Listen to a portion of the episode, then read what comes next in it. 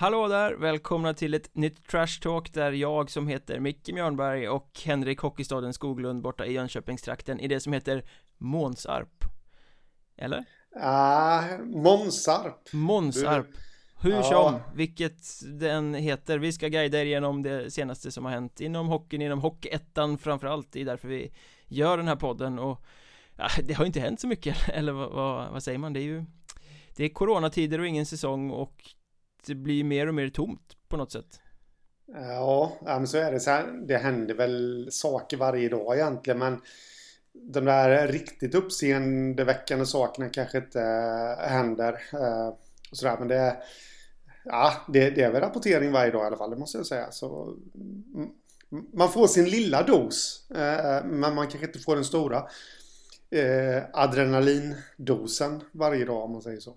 Jag kan känna lite, och det är ju du och jag i allra högsta grad inbegripna i också som hockeyjournalister att Hockeyjournalistiken kanske har blivit lite genomskådad nu när det inte är några matcher, när det inte är någonting och när det egentligen är helt andra saker i samhället som det borde fokuseras på. Att allting tröskar på i samma gamla hjulspår ändå. Det är ganska trött rapportering. Det är lister inför kommande säsong. Det är övergångar hit och övergångar dit och kontraktsförlängningar hit. Men ganska lite gräv i lite större djupare frågor kring hela den här krisen och allting Eh, Det känns Mm. som att hockeyjournalistiken har var man än egentligen tittar inte riktigt klarat att ställa om till en helt annan verklighet än den vi är vana vid Nej, nej men precis. Och mycket historik också har ju kommit. My- mycket nostalgi som förvisso jag då uppskattar som alla vet. Men eh, Och jag tycker det är Ja. helt bedrövligt tråkigt det här med att visa gamla matcher Man bara, "Off, det som har varit har varit liksom Du går inte tillbaka Men- till en gammal flickvän liksom eh, nej, nej men så är det ju. Och eh, nej, det, det där håller jag med om. Jag, jag gillar inte att kolla på gamla matcher. Och det, det, min... Eh, Trots att jag är nostalgiskt lagd så, så jag kollar aldrig på filmer liksom jag, jag har sett en gång och jag kollar helst inte på matcher heller som jag har sett. Men däremot sådana här ja, årskrönikor eller krönikeaktiga aktiga saker det, det kan jag absolut se som Seymour har exempelvis kört där med, med, med SM-guld sedan 1990 och, och kvalspecial och sånt där. Det, det kan jag ändå uppskatta för att eh, fräscha upp minnet och sånt där. Men eh, eh med det sagt då så, så håller jag ju med dig att eh, det känns lite som att hockeyjournalistiken är lite trött. Lite chockad skulle jag faktiskt vilja säga och ja, man skulle väl önska lite mera lite mera grävande i hur hur hockeybranschen kommer kunna fixa den här krisen exempelvis. Jag vet att det är fler än jag som har eftersökt det eller efterlyst det. Man är lite nyfiken på eh, Kanske, jag läste någonting bra igår eh, Som jag faktiskt inte läste för jag har kommit in för att den var pluslåst eh, den, den här artikeln och eh, men det, det var ju någon gammal hockeyspelare som Som nu hade blivit lidande för eh, Hans verksamhet drabbas av det här med Corona Eh, Sånt där kan jag faktiskt uppskatta lite att läsa för då får man både den här historiska tillbakablicken. Ja just det, ja han spelade ju där ja. Men, men samtidigt då, ja vad intressant, vad gör han nu?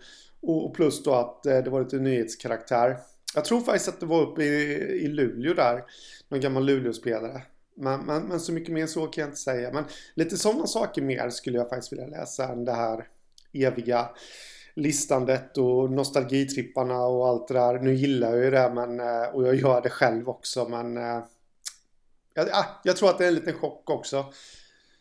Vad, vad eh, som ska skjutas in på det positiva också skulle jag vilja säga är den här podcasten Forecheck som har dykt upp med Fredrik Jensen, före detta klubbchef i Vita Hästen och Tobias Stark, hockeyprofessorn.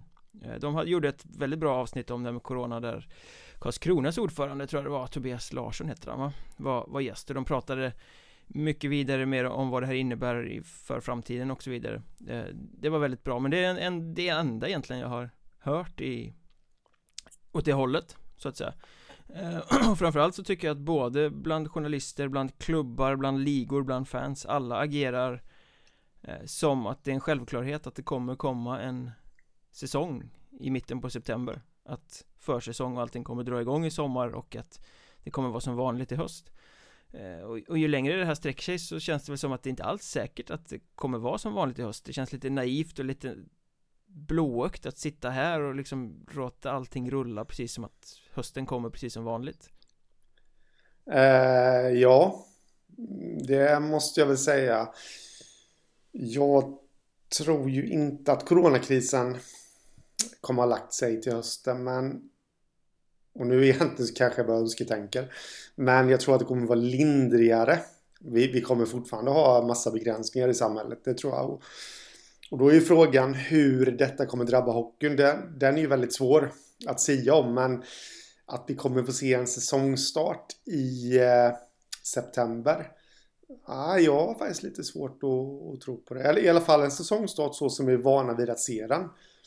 Sen finns det ju massa olika varianter. Jag har ju börjat fundera på Vi kan ju faktiskt kasta in en läsarfråga där För vi fick en mm. via, jag vet inte om det var Facebook eller Twitter Det spelar ingen roll Att Mjölbergpodd eller Mjölbergs Trash Talk eh, Twitter och Facebook Sök upp och ställ frågor så tar vi med det i podden eh, Men den här eh, frågan lyder alltså Har ni några alternativa lösningar om säsongen inte skulle starta när det är tänkt?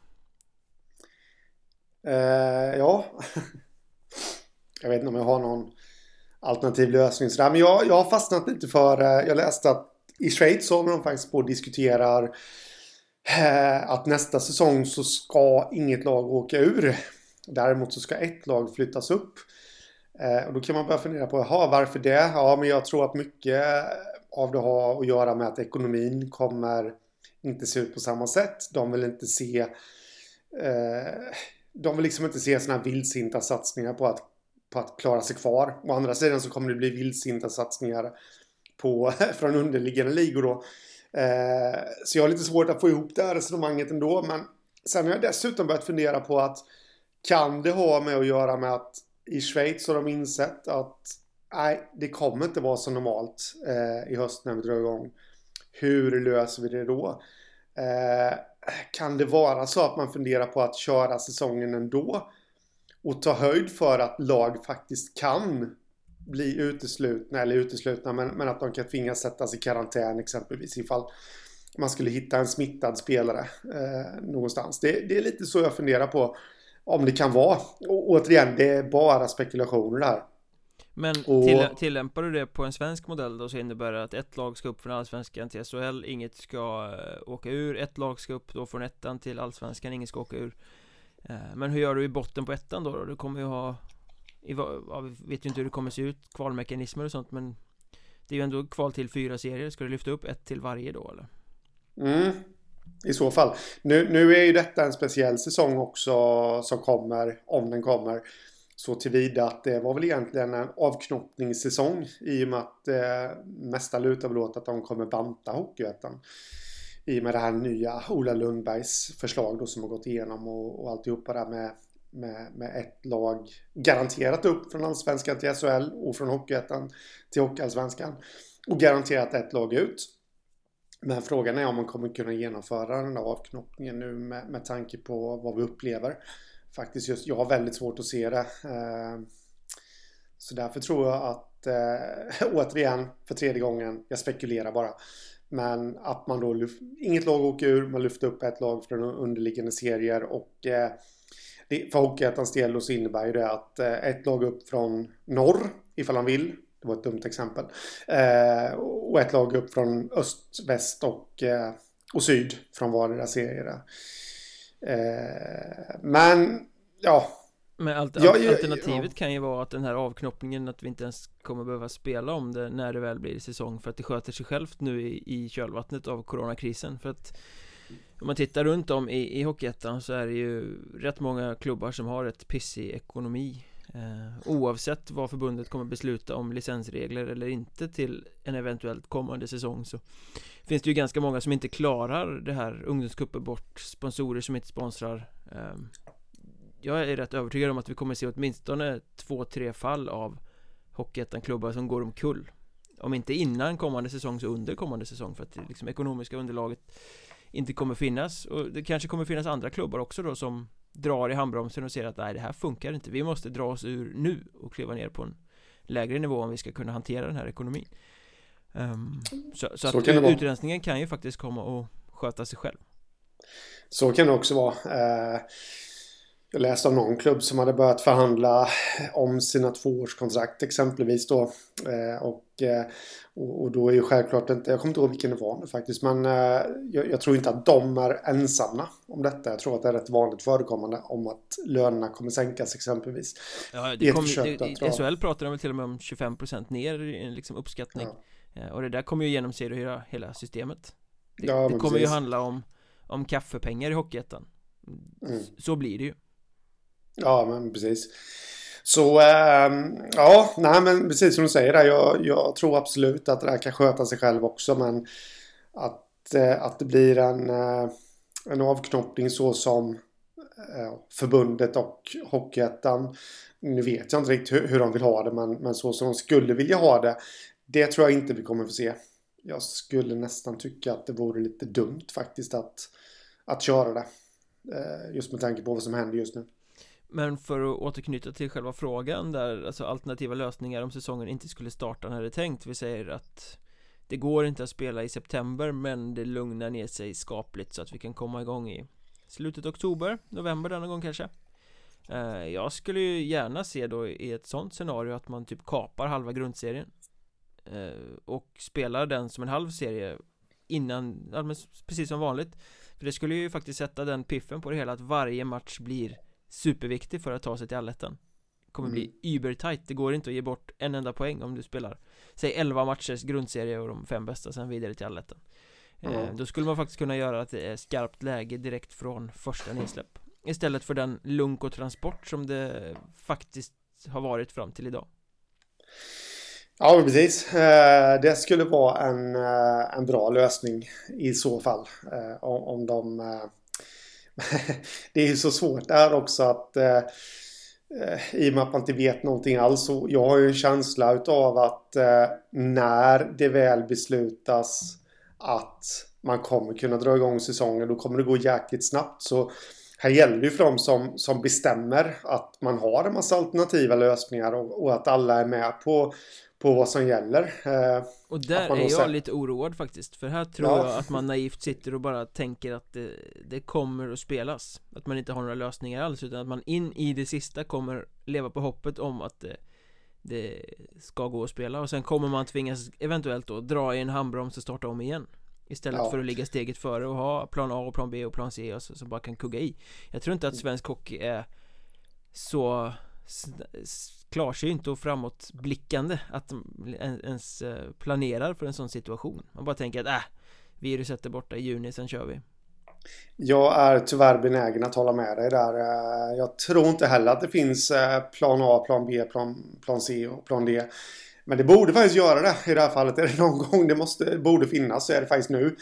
För att ja, det är klart man, man kan absolut planera för att serien kommer starta exakt som vanligt i, i september där. Eh, men här måste man ta höjd för att det nog kanske inte kommer kunna bli så. Och då gäller det att ha den här plan B, precis som du säger då. Att ja, men då kör vi serien på 11 omgångar istället. Men vad händer om inte ens kommer komma igång i, eh, i oktober, november? Där, där gäller det också att ta höjd. Eh, jaha, ska vi köra igång efter nyår? Eh, ja, då kanske man... Och det är ju här klubbarna då kommer säcka ihop fullständigt För hur ska de kunna då stå med en trupp när man inte riktigt vet? Är det Nej. ingen säsong alls? Är det säsong om tre veckor? Eh, för spelarna kan ju inte liksom gå oavlönade och bara vänta Då måste ju de ut mm. och jobba på ICA eller något annat och kanske inte vara tillgängliga på det sättet eh, finns extremt mycket frågetecken och det är de, de planerna måste ju göras nu Eh, ja. Det kan man inte sitta i september och oj, det blev ingen säsong.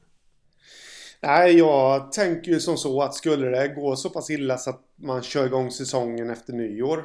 Varför då inte stycka upp serierna än mer istället för fyra Hockeyettan-serier så kör vi åtta geografiskt indelade serier med med, eh, nu sviker ju matematiken, men kanske tio matcher då. Eh, så att det blir dubbelmöten, tio matcher de två bästa går vidare till, till allettor och där kapar man också bla bla. Alltså det finns ju, jag, jag, tycker man ska ja, ha massa olika scenarion här som klubbarna är med på att och man sätter slutdatum också. Nu har vi passerat den 15 september. Bra, då sprack plan A, men då kör vi plan B istället. Och att alla är med på det. Men, men precis som du säger, det, det finns ju en massa olika scenarion också. Det, det är ju spelartrupper som ska betalas också och inga pengar in. Uh, ja, det är lurigt läge. Det, det, är ju tur att man inte sitter och är ansvarig för, för de här frågorna i alla fall. Det kan jag ju säga. Det leder oss fram till en annan läsarfråga vi har fått här. Uh, tror ni att många duktiga spelare på ettan nivå lägger av eller trappar ner nästa säsong om lönerna sjunker? Det har vi berört tidigare. Uh, ja, det har vi gjort och där har jag sagt ja, det tror jag. Jag tror många kommer lägga av. Men så kan man dessutom vända på det också att eh, här har vi ett scenario. Det, det spekuleras ju hej vilt nu men, men en spekulation som man nog ska ta på rätt stort allvar det är ju det här att, eh, att eh, många allsvenska spelare kommer få chansen i SHL nu. Många fler än vanligt. Eh, det innebär ju då att många fler Hockeyettan-spelare kommer få chansen i Hockeyallsvenskan. Många fler än vanligt där och då lämnar ju det den här kategorin av spelare som, som är duktiga men, men som kanske egentligen inte skulle fått något allsvenskt kontrakt. Det lämnar ju dem lite där, aha, nu kan ju faktiskt de få en topproll i, i en Hockeyettan-klubb. Bli första center, bli första back i powerplay. Eh, bli förstemålvakt. Eh, så ja, det är mycket spekulationer här nu men men det kanske kommer få en och annan att fortsätta i alla fall, köra vidare. Att visst, jag kommer få gå ner i lön. Men å andra sidan så kommer jag vara första center i, i, i ett powerplay här nu. Och, och därigenom kanske då nästa säsong få en allsvensk chans. Eh, så det är ja, lite svårt att säga om där också. Men, men några stycken säkert men jag tror att majoriteten lägger ner i ett sånt läge för att man säger att 24-25 plus du börjar bli lite mer eh, stadgad familjemässigt. Du har börjat inse att det är roligare att eh, ha mer än 3000 på fickan efter skatt. Eh, Du har dragit på dig omkostnader, du måste ha ett bättre jobb vid sidan av. Hockeyettan är en ganska eh, krävande liga Både vad gäller träning och vad gäller resor och sådär. Så att Kan du inte få eh, kan du inte få en ekonomisk tillvaro att gå runt ordentligt så kommer det i längden inte vara värt att lägga ner det där jobbet. Framförallt om, om du är en tredje klassens spelare som inte ens lyfts upp till allsvenskan när allsvenskan utvidgas liksom med mycket hockeyettan-spelare eh, Så jag tror att många kommer lägga av. Eh, och det kommer ju i förlängningen då göra tyvärr hockeyettan till en mycket, mycket sämre liga. Jag tycker redan idag att det är lite för ungt. Jag älskar de här juniorerna som kommer in och tar för sig och att unga spelare som utvecklas och man ser hur de tar kliv från säsong till säsong. Eh, men de behöver ju ha rutinerade spelare bredvid sig som visar vägen. Det, det är ju superviktigt för deras utveckling. Och ju fler sådana som faller bort desto sämre blir produkten Hockeyettan. Det blir bara att tuta och köra och sådär. Och det, det har man ju sett år för år att det har blivit Många lag har blivit lite för unga. De saknar rutinen och Och den utvecklingen kommer ju bara fortsätta om, om det blir så som en sån framtid som vi förutspår att det ska bli. Mm. Ja, det, det känns som att det är omöjligt egentligen att sätta fingret på vad som kommer ske egentligen. Eh, jag tror ju som sagt att ja, det finns nog en och annan som kommer fortsätta med löfte om en större roll. Skit i ekonomin liksom. Eh, men jag, jag kan ju inte riktigt säga emot det du säger heller. Eh, det vet man ju själv liksom hur man tänker att vissa saker är ju inte värda att göra till, till vilket pris, vilket lågt pris som helst så att säga då. Så att, äh, ja, ja. Det, det där leder, leder oss ju osökt in lite på en, eh, en annan fråga som vi har fått här också och det är frågan om om vi tror att det är fler som har sökt eh, till högskola och universitet och sådär om allting skulle skita sig i höst med säsongen. Ja, jag, jag, jag vet inte faktiskt. Jag tror uh, nej, absolut nej. Eh, alltså, det finns två typer av människor, de som söker till högskola och universitet och de som inte gör det. Och jag tror att de som tillhör kategorin att göra det har redan gjort det om de är sugna på att göra det nu. Jag tror inte att coronaläget påverkar det någonting. Och jag tror inte att den andra hälften plötsligt kommer på att oj, utbildning kan vara bra bara för att det kommer ett coronavirus utan de tänker nog snarare oj, tv-spel i tre månader, fan vad kul Ja, jag tycker nästan att du är lite väl generaliserande här nu. Men eh, generaliserande jag... är mitt mellannamn. jag kan egentligen bara dra mig själv som exempel där att... Eh, Tv-spelskungen. Ja, men lite så. Alltså jag var fruktansvärt skoltrött på gymnasiet och eh, det var faktiskt så att jag skolkade en hel del och eh, satt hemma och spelade tv-spel och jag fick ju ett jobb sen därefter då eh, när jag väl hade tagit studenten och var inte alls sugen på att plugga och eh, eh, många tjatade på mig att jag skulle plugga, nej nej nej utan det var, det var mer att Ja, jag släppte väl tv-spelet förvisso men, eh, men äh, inte sugen på att plugga. Men sen blev jag faktiskt sugen. Jag kom upp lite i åldern så, så började jag faktiskt plugga och, och sen pluggade jag till journalist och alltihopa. Så det finns nog hopp ändå faktiskt. Eh, men, men det gäller att det kommer inifrån. Jag tror inte att så många... Så jag ger dig rätt där med Mikael. Eh, jag tror inte att så många, det är inte att trycka på en knapp heller då i och med det här läget utan vi kommer nog få se många som sitter hemma och spelar tv-spel men eh, en och annan kanske har ändrat sig men, men då att det kommer inifrån så att säga. Mm, då tillhör ju de då den här gruppen från början som faktiskt har vidareutbildning i sitt DNA på något sätt. Ja, så du får rätt där med Det är oh yeah. hiskligt. Men apropå rutin eh, vi, vi kastar oss handlöst in i ett annat ämne.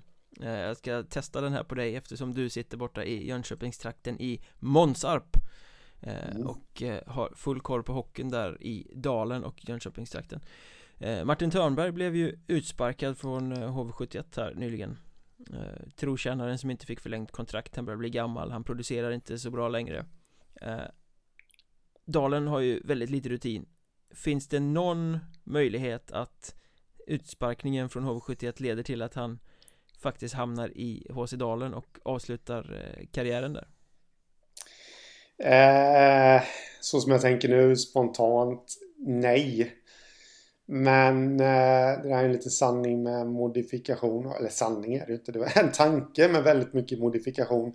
Till, till, till att börja med så skulle jag faktiskt vilja dra lite om den här. Nu är det här en Hockeyettan-podd men eh, jag skulle faktiskt vilja dra lite om det här med, med att eh, han får lämna HV. Jag, jag, spontant har ju tänkt hela säsongen där. Som hockeyjournalist har man ju koll på då vilka kontrakt som går ut och de har ju tänkt en och annan gång lite extra på Törnberg och spontant så har jag känt att ah, han har nog en säsong till i sig i SHL. Eh, i, i, en mindre roll.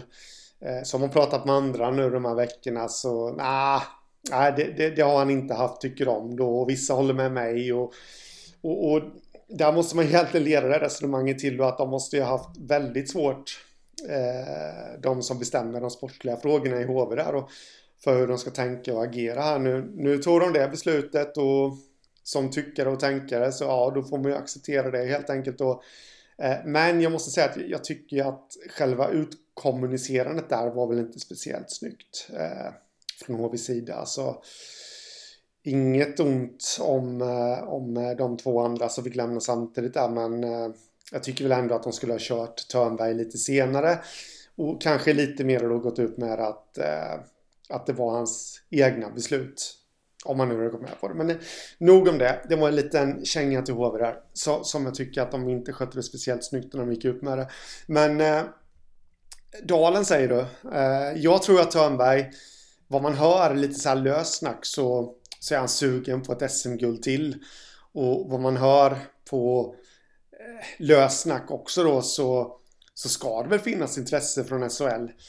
Eh, jag vet inte hur pass mycket det ligger i det men, eh, men eh, är han sugen på att flytta på sig så absolut, då tror jag faktiskt han kommer fortsätta i SHL. Ehm, men det är mycket som ska falla på plats också. Han, han har ju mer eller mindre en gård med stall och hästar och han har barn och grejer och så. Jag, jag vet inte riktigt om han Bor barnen kan med hästarna i stallet? Ja, nej det tror jag inte. jag tror de får bo hemma inne. Men men eh, vad var det jag skulle säga?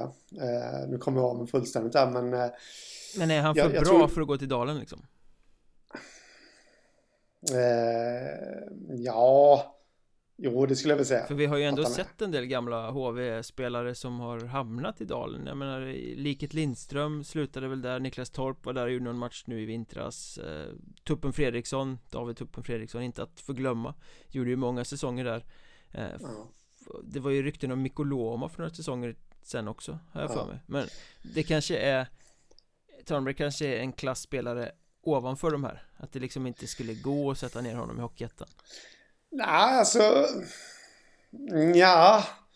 Jag tror han skulle få det svårt till en början i Dalen eh, I och med att det är ju Oavsett hur bra man än är så, så är det faktiskt en skillnad på puckarna kommer på ett helt annat sätt och liksom det är annat tänk. Det är lite mer att tuta och köra i Hockeyettan än i SHL. Så. Men, men, men ja, sen tror jag dessutom att han är en sån tjurskalle i positiv mening där att han skulle väl ställa om sig rätt snabbt. Så jag tror, jag tror faktiskt han skulle kunna bli en succé i Dalen. Men, men då är ju frågan om man skulle vilja dit. Det är ju en satsning han kommer få betala helt och hållet själv i stort sett. Han kommer inte få någon lön. Men, men det som skulle kunna locka honom till Dalen också det, det är ju dels då att... Eh, Pelle Gustafsson. Ja, men eh, dels det. Men, men dels då att få Alltså han kommer inte ha chans att vinna någonting i Dalen men ändå nå framgång.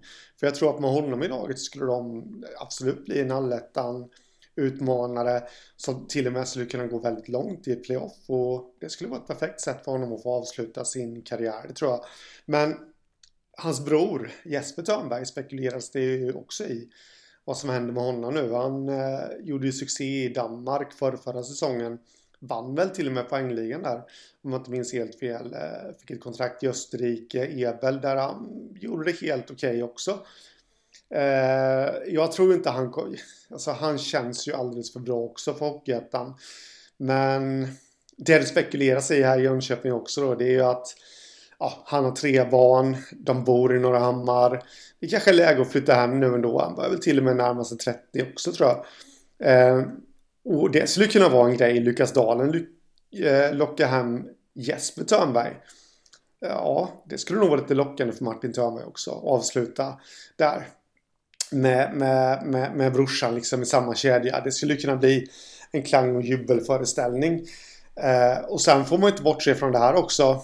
Eh, vilket vackert slut det skulle bli på hans karriär. För det få, väldigt få vet om är ju att Martin Törnberg inledde faktiskt sin eh, seniorkarriär i Dalen. Trots att han har HV som moderklubb så blev han utlånad dit som junior. En match bara förvisso. Tror jag, det kan ha varit fler. Men jag tror bara att det var en match där han eh, spelade i samma kedja som pappa Ove. Och till och med hoppade in och skulle hjälpa farsan i ett slagsmål som 15-åring i någon gammal division 2-match där. Eh, jag har intervjuat de två om det här. Ligger på YouTube någonstans. Det var länge sedan jag såg den intervjun nu men eh, det skulle ju vara lite vackert på något sätt. Cirkeln slut. Där. Ja, cirkeln slut sådär då. Men med det sagt så tror jag inte att det kommer ske. Jag, jag tror att han tycker själv att han har en säsong till i kroppen och eh, att han mycket väl skulle kunna tänka sig att gå till en annan SHL-klubb som har chans att vinna ett guld. Det tror jag faktiskt. Vi får se vart det landar helt enkelt. Ja. Eh, nu är... Vad tror du själv då?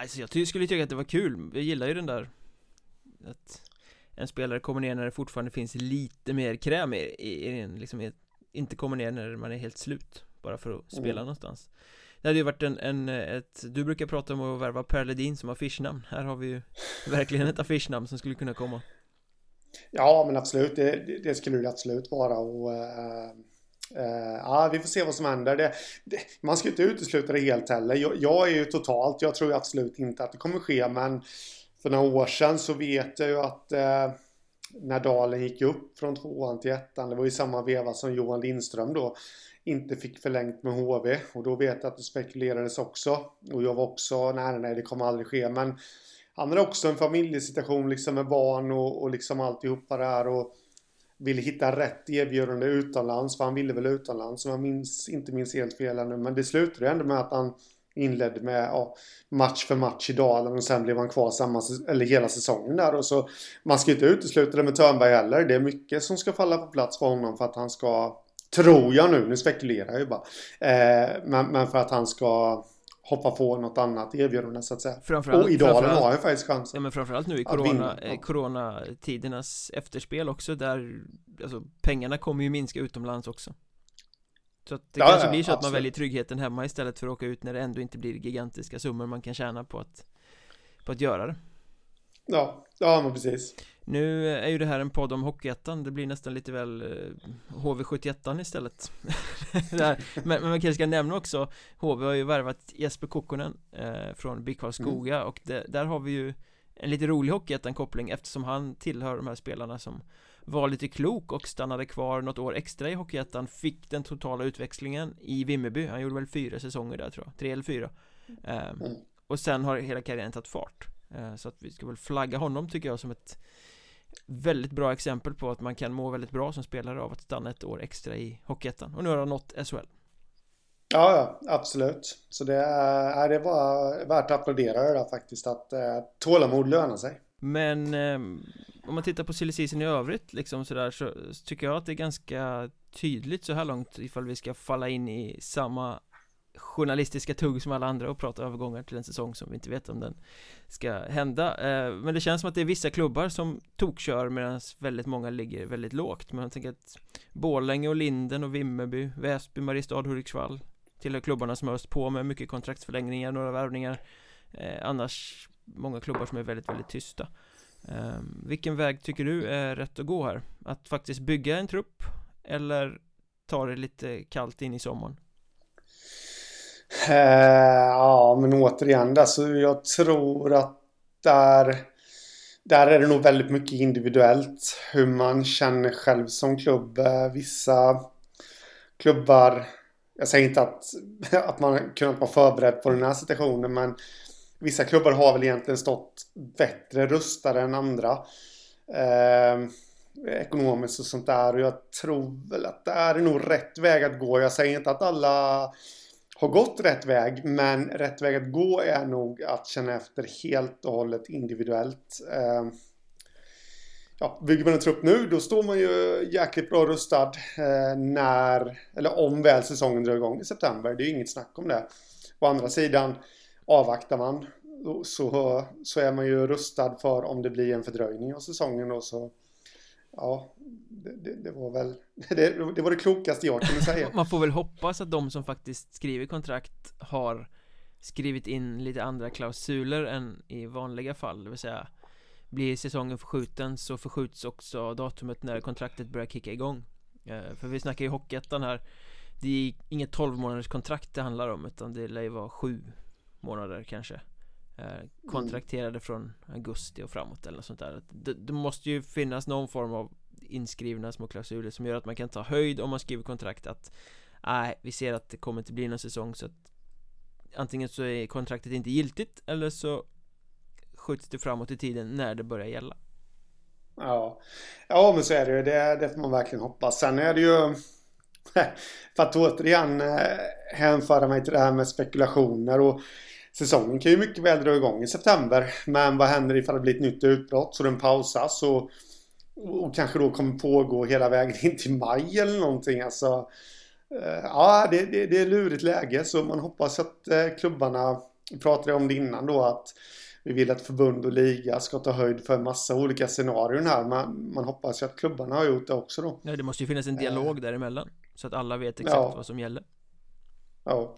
En annan spaning när det gäller just truppbyggen och sånt för framtiden är ju att nu är det ju fortfarande tidigt. Kvalserien skulle ju inte ens varit helt avgjord och det brukar ju ändå ta ännu lite mer fart i andra halvan av april här. Men eh, om man tittar på det som sker på transfermarknaden så är det ju påtagligt att det är väldigt mycket mer kontraktsförlängningar än vad det är nyförvärv. Det sker några värvningar här och där Men de flesta ser om huset och, och liksom skriver kontrakt med det man redan har på något sätt. Eh, ja, sen tror jag att i den här uppkomna situationen så är det nog lättare också att skriva nya kontrakt med redan befintliga spelare. För att eh, jag tror att spelarna tänker så med att det de har på bordet tar de i högre utsträckning nu än innan. Eh, just med tanke på det här med lite trygghet och de vet ju vad de får. Eh, ja, när det handlar om det här runt omkring. då liksom den sociala miljön så att säga. Så det, det, det tror jag också spelar in. Och det är ju väldigt påtagligt också om man tittar på alla de här eh, nyförvärven och framförallt då kontraktförlängningarna som kommer ut dagligen. Eh, det handlar ju väldigt mycket mer om, om bredden än om spetsen.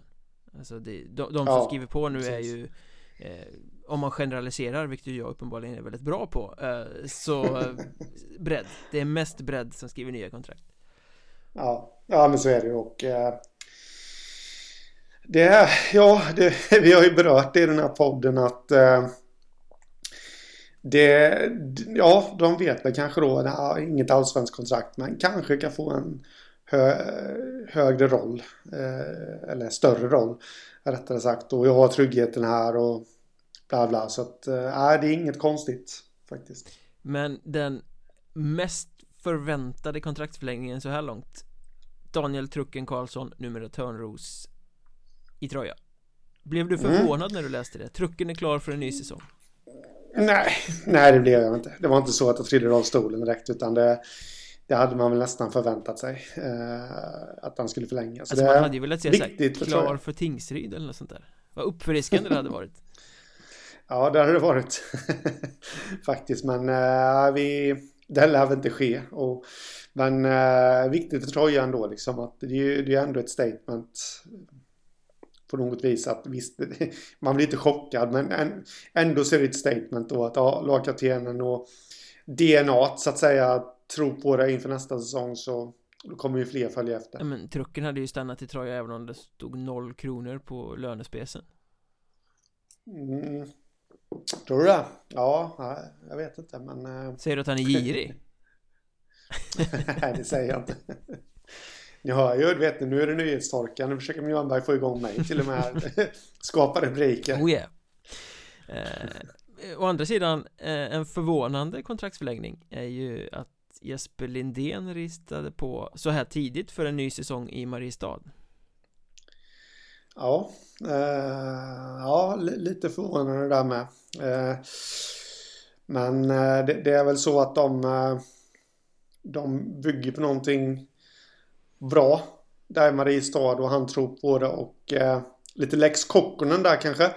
Eh, stanna kvar och få lite mera, ännu mera rutin och lite lugn och ro också samtidigt. Eh, det är ju så, nu, nu kommer jag på nu låter jag ju helt, eh, jag låter lite tveksam där men jag, jag, i samma mening som du sa det så kommer jag på att eh, det är mycket corona nu. Samtidigt så måste ju klubbarna ta höjd för de måste ju på något vis tänka bort corona också.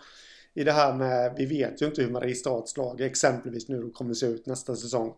Tack vare, eller på grund av det här med corona. Men de måste ju också, både spelare och ledare och alltihopa måste ju tänka bort det också. Att eh, de är ändå ute på en väg, en resa uppåt. Och eh, där, det måste man också ta höjd för liksom att eh, ja, vad, vad, kommer de vara med en säsong om man tänker bort Corona? Ja, förmodligen i kvalserien. De kanske till och med hade kunnat vara i Hockeyallsvenskan om vi hade tänkt bort Corona liksom. Så jag är väl inte jätteförvånad om man tänker så då att, eh, att han förlänger. Nej, det är inte förvånande att han förlänger men det är förvånande att han förlänger så här tidigt. Det, det är en typisk sån spelare som som man hade kunnat tänka sig att han testade marknaden lite längre, väntade en bit in i maj innan liksom Okej, okay, jag tar Mariestads kontraktserbjudande här. Sen tycker jag att det är, tror inte det, det är helt Tror inte det kan ligga någon allsvensk klausul där? Ja, jag tror inte helt säker på att Mariestad jobbar så faktiskt. Eh, mm. Med tanke på sin satsning och sådär. Men, men det är ju inte omöjligt. Får undersöka den saken då.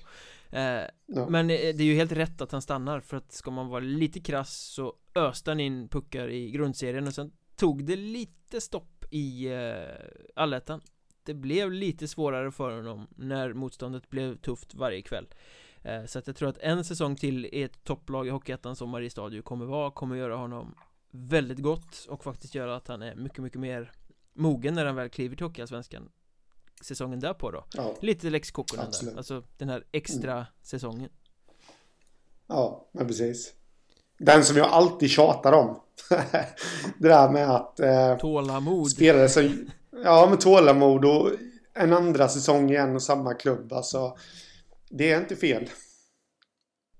Nej, det är helt, helt rätt. Efter en, efter en succé då. Lite överraskande också tycker jag väl ändå att Rasmus Sörgart, eh, som väl inte alls har gjort det tokigt i Tingsryd, vänder tillbaka till Väsby. Ja. Nej, det, nej, jag vet faktiskt inte vad jag ska säga där. Det, det finns ju mycket utanför hockeyn som spelar in också. Jag tror... Nu kommer jag ju få en massa Tingsryd-supportrar efter mig. Men, men jag tror att det kan vara... Nu, jag har ingen aning om hur Sör, Sörgård liksom är som människa eller person eller sådär. Men jag, jag, tror att Tingsryd kan vara ett rätt krävande ställe att spela hockey på också. Eh, och, och Väsby har ju någonting på gång. Eh, definitivt. Så egentligen, det är väl inte någon... Ja, om man bortser från serietillhörigheten så tror jag det, det, han kan utvecklas minst lika bra i Väsby som i Tingsryd. Faktiskt. Lustigt, jag har inte tänkt på det förrän nu när du sitter och pratar om Tingsryd och Väsby men eh, gamla Vilundahallen är ju faktiskt ganska lik gamla Dackehallen Tingsryd, Väsby, mm. två mm. arenor, det är väl fel att säga Två gamla lador som påminner om varandra Ja Ja men så är det eh, Så han kommer känna sig hemma direkt ja, Hemma överallt, såklart Tillbaka i Väsby i en hall som är likadan som den han spelade i förra säsongen ja, Bla bla eh, Väsby ser rätt bra ut för övrigt De plockar ju in Sebastian Andersson från Hammarby också Värvade en mm. målvakt från negativt kval för tredje året i rad Robin Wallin följdes ja. av Edvin Olofsson som följdes nu av Sebastian Andersson och ska trenden hålla i sig så ska ju då Sebastian Andersson gå vidare till någonstans i Hockeyallsvenskan till säsongen som kommer efter detta. Mm. Det kan vi redan nu slå fast. Vad vi också kan slå fast är att den här satsningen mot Hockeyallsvenskan som Kalmar HC håller på med den eh, eh, Den har väl minst sagt tagit halt Eh, efter den bedrövliga säsongen som var Efter de ekonomiska bekymmer som man har försatt sig i Efter tränarcirkus. Uh, Nu ska man få ny hall Men det innebär ju också att den gamla mögliga Ifehallen Som det bor råttor och skit i Ska knackas ner. Och då får de spela i träningshallen kommande säsong verkar det som. Vilken jävla den, Vad tar den? 400 pers eller något Så vilken tur att de är på dekis Ja, men precis. Eh, ja, ja, jag vet inte riktigt vad den här hallen tar. Däremot så måste jag ju säga att jag har ju varit inne i bägge hallarna. Både IFA-hallen och eh, träningshallen. Och jag blev... Första gången jag var där vet jag så, så var, ja då tänkte man ju det som alla säger liksom. Oj, vilken risig hall de har. Och så gick man in i träningshallen och det var ju ungefär som att eh, tänk en film när man bara kliver in i ljuset och, och det är så här härlig musik som kommer till en. Så på så vis så rent kvalitetsmässigt kommer de få ett uppsving där. Men publikkapacitetsmässigt så kommer det ju bli lite sämre då såklart. Men, eh, men där om man ska tänka steget längre då och, och bli lite allvarlig så så är jag lite... Det finns ju en anledning till att de har haft en träningshall där i Kalmar och det är ju... Det är ju eh, för att det är väldigt många lag och klubbar som ska dela på det här. Så frågan är ju hur det kommer bli. Kommer de kunna träna lika mycket exempelvis? Det finns en konståkningsförening där vet jag som är rätt stor. Som också ska ha sina träningstider. Juniorlag, damlag. Allt ska ju få plats. Så eh, ja, det kommer nog bli en prövningstid för dem den här säsongen. Kalmar kanske hoppas på att säsongen blir inställd helt enkelt. Ja, det borde de faktiskt ta och göra. Men äh, frågan är ju hur det kommer gå för dem sportsligt nästa säsong. Nu har jag inte så jättemycket att bygga detta på, men äh, satsningen som du sa där, den, den kommer väl få pausas lite. Tvärnit, och, äh, Ja, och då är frågan hur de kommer klara sig rent sportsligt. Det är ju det är en tuff söderserie, äh, tror jag det kommer bli. Och jag skulle faktiskt inte förvåna mig ifall de kommer få kriga i botten.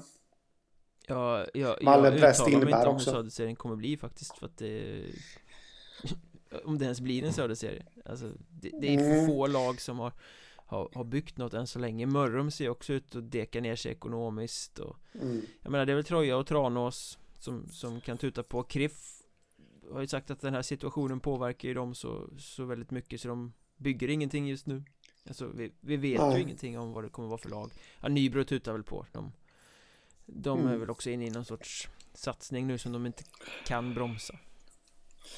Nej, men precis. Men, men om man återgår till Kalmar där då. Att det, det där kan ju bli ett riktigt ok på spelarnas axlar. Eh, de kommer se den där hallen som byggs varje dag. För de ligger vägg i vägg med träningshallen. Och, eh, och samtidigt då så får jag för mig Att jag, ja, precis som du säger här, alltså det, det är helt omöjligt att säga om Söderserie. Men jag får ju för mig att Kalmar inte kommer kunna ställa ett jättebra lag på, på, på isen nästa säsong. Och eh, kommer det då gå troll i grejerna då kommer det lägga en extra börda på deras axlar. Att eh, något Nybro-supportrar absolut kommer haka upp sig på att eh, och säga i tid och otid då att eh, kommer Kalmar ha Sveriges finaste division 2-arena till säsongen 21-22? Liksom, nej, så jag, det kan nog bli kämpigt för dem och tufft. Kämpigt för Vimmerby då, tror du det? Det blev det ju i början på den här säsongen som passerade när de inte lyckades med sin tränarrekrytering Sen kom Phil Horsky tillbaka, styrde upp allt och de blev värsta succélaget istället eh, Nu känns det som att de sitter i exakt samma situation igen Phil Horsky vill vänta, han vill avvakta marknaden lite Kolla vad han har för alternativ, säger att Vimmerby är ett alternativ men jag vill kika lite. Och sportchefen Morgan Persson sitter och eh, väntar på Phil Horsky helt enkelt. Och han lärde väl sig i fjol när han väntade för länge att eh, mm. ja, då, då, var urvalet när Horsky väl tackade nej och gick till Karlskrona istället. Inte så stort. Um, Så nu har, verkar han ha satt lite mer press på Horsky men Alltså alla vet ju att Horsky plus Vimmerby är lika med sant, det kommer bli svinbra Men hur länge kan Morgan Persson vänta? Uh, det det ja. sägs att han var ute och scoutade andra tränare redan medan säsongen pågick Så att han visste kanske att det här scenariot kunde vara på gång Ja, precis. Jag tycker väl inte... Här gäller det att ha is i magen och man avundas ju inte Morgan Persson i det här läget kan jag säga. Eh, men jag tycker inte de ska vänta. Här, här får ju Hornsky bestämma sig. Eh, han har ju redan gått över liksom. deadlinen liksom. som först sattes upp. Fått några dagar ja. till. Ja. Men eh, nej, visst han har gjort succé och, och alltihopa i Vimmerby. Det säger jag ingenting om. Men samtidigt Ja, jag fattar ju att Horsky vill uppåt eh, i seriesystemet. Och, och det, det, det, det, fattar ju vem som helst. Det fattar ju till och med eh, Vimmerby såklart. Det är inte det det handlar om. Men, men, men, men, samtidigt så är det ju, man har ju ett ansvar själv som, eh, som uppdragstagare så att säga också. att eh, eh Nej, jag tycker Vimmerby ska vara hårda faktiskt. Eh, vilket de inte är då eftersom de har gått över deadline. Men, eh, så, såg igår också, vi spelar ju in det här på en onsdag. Eh, Igår tisdag så gick ju Modotränaren Björn Hellqvist ut och, och, berättade om intresset från Leksand och att han gärna vill åka dit och träna och gjorde sig eh, mycket strategiskt omöjlig i Modo. Det, det, Alla har ju naturligtvis läst, läst de där eh, medieutspelen. Eh, Man kan tycka att det är fult men det är också lite smart för att det blir ju omöjligt för Modo att ha kvar honom som som tränare nu och han vill ju uppenbarligen därifrån. Men det där handlar om Hockeyallsvenskan och SHL, det ska vi inte fördjupa oss så mycket i. Men Läste du att Sanny Lindström, den profilerade skribenten med det stora Huddinge-hjärtat på Expressen eh, Han följer ju, blev ju kär i Vimmerby när de slog ut hans kära Huddinge i, i playoff. Mm. Men han pitchade ju Phil Horsky som potentiell ny tränare i Modo. Ja, eh, och det går ju inte att säga emot eh, Absolut. Det, det skulle jag absolut kunna tänka mig men eh, men eh, ja, vi får ju helt enkelt ta och se vad som händer där. Det, jag, jag tycker Sanna Lindström har rätt där, men eh, nu läggs det ju ännu en, eh, ett litet ok då på Vimmerbys axlar här att aha, nu kommer det dröja ännu längre då för, för Horsky om man ska få erbjudande från Modo också. Eh, och, och, först måste man ju se vad som händer med Hellqvist och ja, det, det är rörigt där alltså. Så eh, men jag tycker Vimmerby ska... Jag tycker de ska fokusera på en annan tränare. Man kan liksom inte vänta hur länge som helst heller. Och någonstans känns det väl ändå som att de lärde sig läxan förra året i sin rekrytering också vad de ska titta efter. Eh, I och med mm. att det inte blev så rätt med Peter Nordström. Nej, nej men precis så att... Uh, nej, men det, det, är, det är rätt är mycket rörelse på tränarmarknaden nu överhuvudtaget eh, Hammarby får ny tränare nästa säsong eh, Filip Algeman mm. Han är väl mest känd för lyssnarna i den här podden kanske som målvakt i Vallentuna för några säsonger sedan eh, Tror han har varit runt lite i olika Stockholmsklubbar och, lirat men Coachade Södertäljes J18-lag den senaste säsongen mm. ja, just det.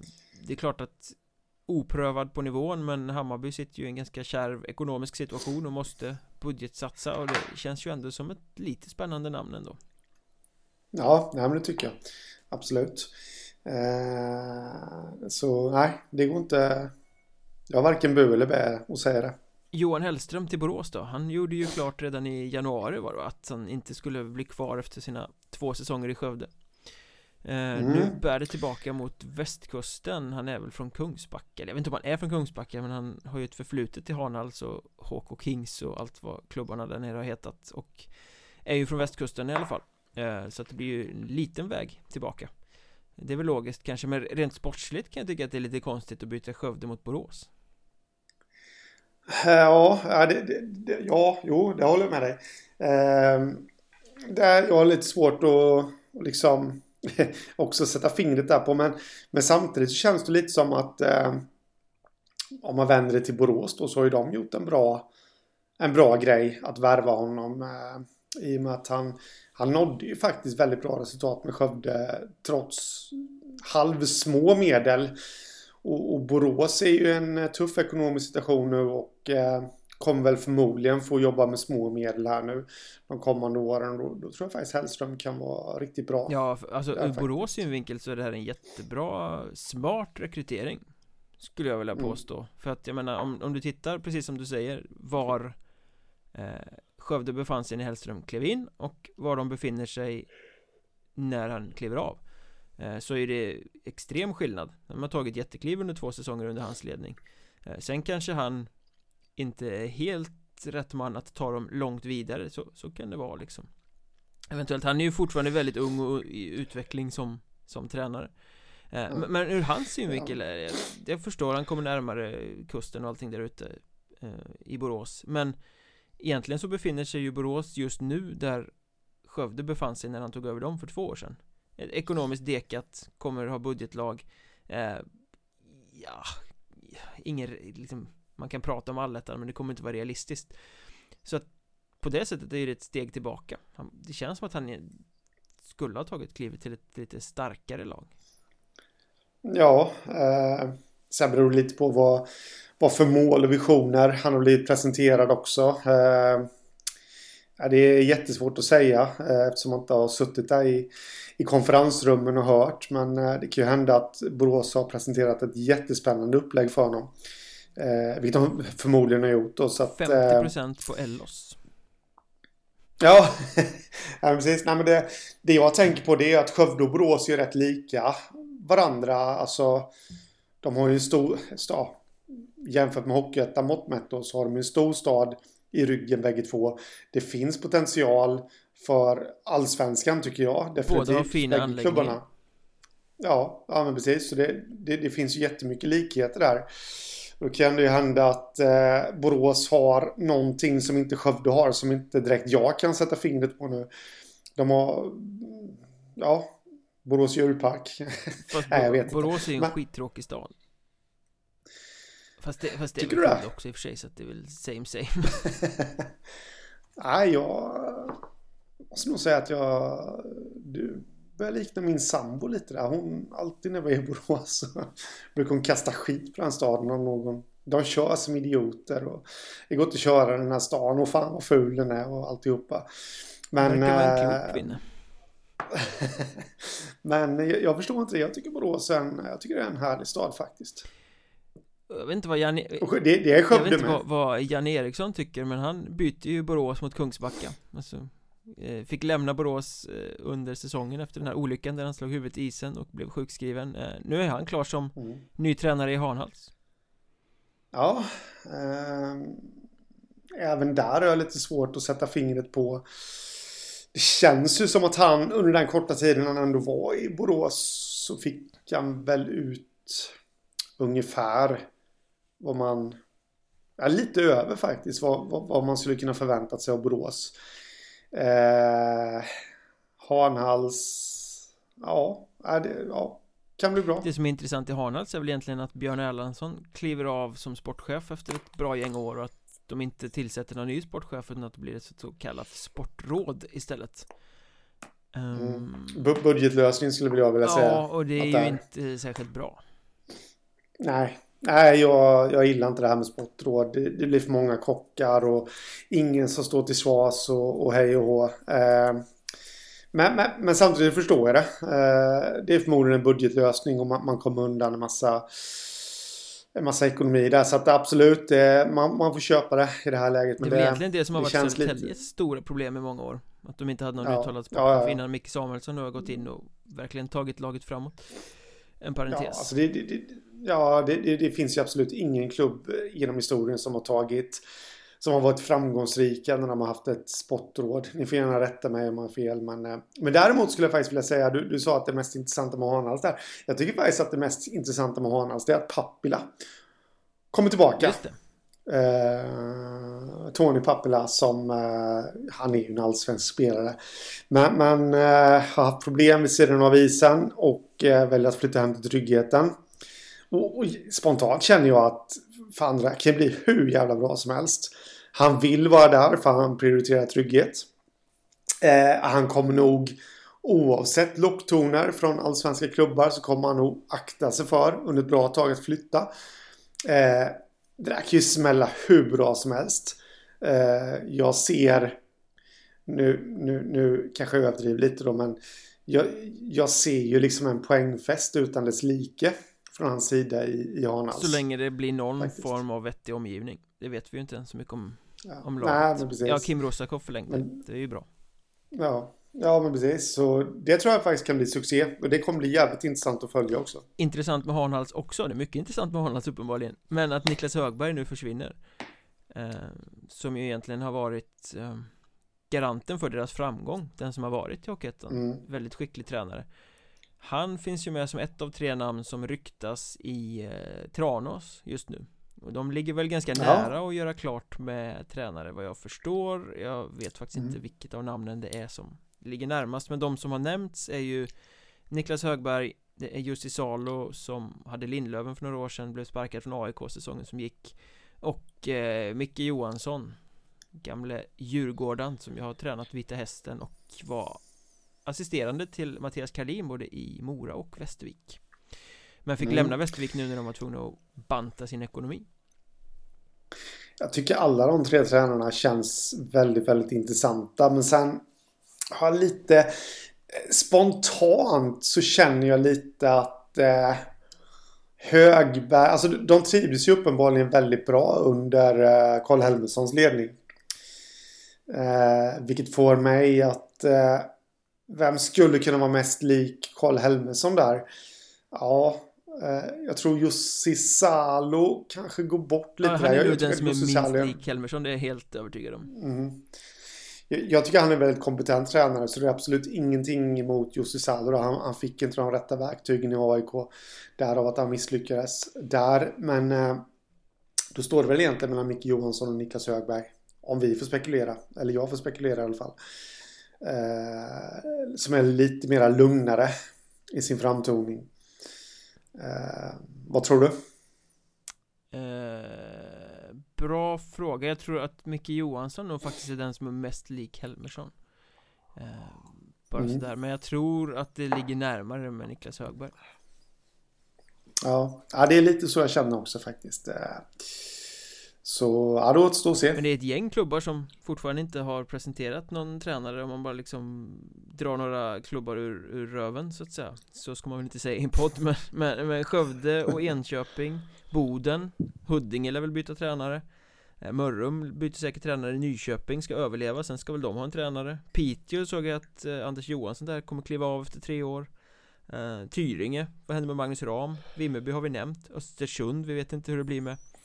Kjell-Åke Andersson så att Mer eh, Mer tränarsnack lär det bli Vi kommer få följa upp det framöver Mm. På tal om Tyringen där, jag, jag tror eh, en känsla jag har det är att jag tror att Magnus Ram är sugen på att fortsätta om, eh, om eh, han får rätt förutsättningar. Ja, Det, men det är bara som jag tror. och förutsättningar Som hela den här podden handlat om vet vi ingenting om.